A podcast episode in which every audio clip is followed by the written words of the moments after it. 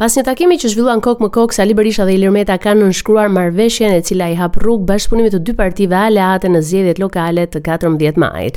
Partia Demokratike dhe ajo e Lirisë do të dalin në betejën e radhës elektorale me kandidatë të përbashkët që do të përzgjidhen nga primaret dhe se këshillat bashkiak do të drejtohen nga përfaqësues të propozuar nga Partia e Lirisë në rastet kur këshilltarët e saj përbëjnë shumicën. Dokumenti me 6 pika që mban firmën e kreut të Partisë Demokratike dhe atij të Partisë së Lirisë u cilësua nga Berisha dhe Meta si marrëveshje historike e cila ka në themel dy qëllime madhore. Kjo është marrëveshja e shkallmimit të regjimit absolutar të Edi Ramës dhe groposjes në sharr politikisht të një njeriu që shok për negativitete ka vetëm veten që kur është qeveriset Tirana për herë të parë nga shqiptarët gjer sot. Kjo është marrëveshja e fitores. Objektivi kryesor është çmontimi i këtij regjimi monist në nivel vendor dhe ndëshkimi i tij maksimalisht nga të gjithë qytetarët e Shqipërisë që nga ata të Tiranës. Teksa Meta dhe Berisha hidhnin firmën e marrëveshjes së bashkëpunimit, deputeti Belind Këlliçi është shprehur i gatshëm të bëhet pjesë e primareve për të garuar në zgjedhjet lokale të katërmbëdhjetë majit, si kreu i demokratëve ashtu dhe Meta, përgëzuan kandidimin e tij pa bërë koment nëse deputeti demokrat shihet si më i pëlqyeri mes tyre. Enti Rregullator i Energjisë deklaroi se për muajt nëntor-dhjetor të këtij viti do të aplikohet çmimi dyzet e katër lekë për kilovat mbi fashën tetëqind kilovat. Përmes një njoftimi, ERE bëri të ditur se çmimi i furnizimit me energji elektrike për konsumatorët të cilët konsumojnë mbi fashën e konsumit tetëqind kilovat do të mbetet objekt rishikimi periodik. Një ditë më parë në mbledhjen e Entit rregullator është rrëzuar kërkesa e deputetes demokrate Tabaku për ta shfuqizuar plotësisht këtë fashë. Vendimi për futjen e saj është marrë në shtator, por gjatë tetorit qeveria vendosi të mos e zbatonte për shkak sipas saj të ndërgjegjësimit të qytetarëve për të kursyer energjinë dhe reshjeve që ranë në vend.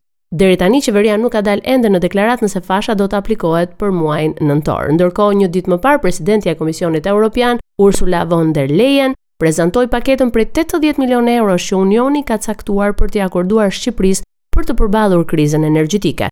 Megjithatë, kryeministri Rama theksoi se kjo është vetëm një e gjashta e sasisë së parave që i duhet vendit tonë për të lënë të pandryshuar çmimin e energjisë.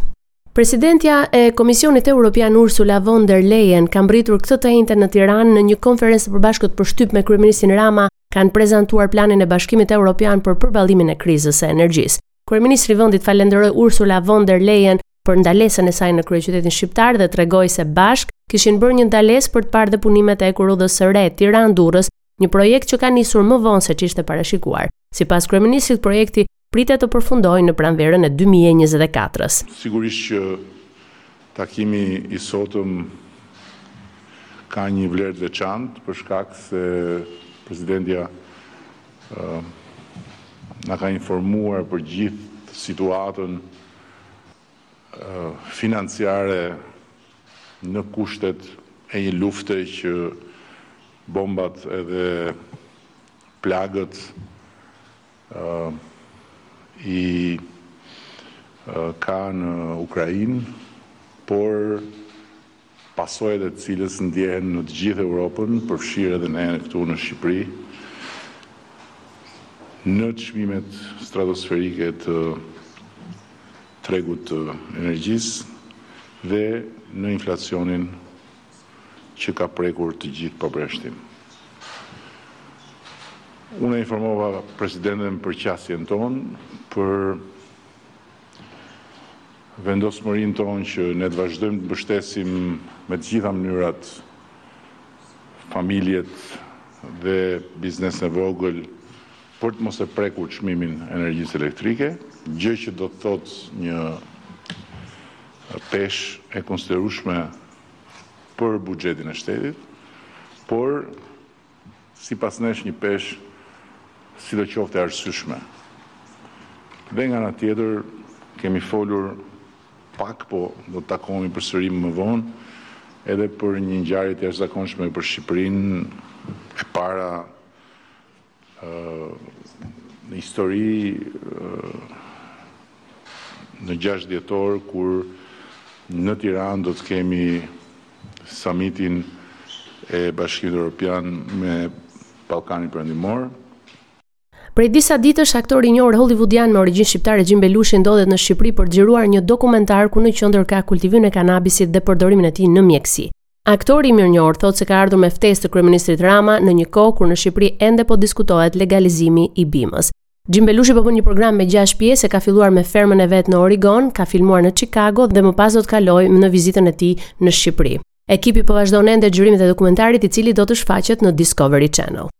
Nesër dhe përgjithmonë është libri që rikthen autorin, kantautorin e njohur shqiptar Ermal Meta në atdhe.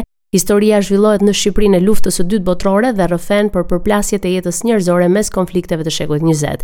Për Metën, i cili rikthehet në Shqipëri si shkrimtar dhe jo si kantautor, ngjarjet e kësaj kohe ndihmojnë për të kuptuar atë që po ndodh sot. Në roman ngjarjet shtrihen nga viti 43 deri në prag të rënies së diktaturës, të cilat rrëfehen në një mori personazhesh dhe ngjarjesh. Libri do të promovohet edhe në qytete të tjera të vendit. Raportoi nga Tirana për Radio SBS Gerta Heta.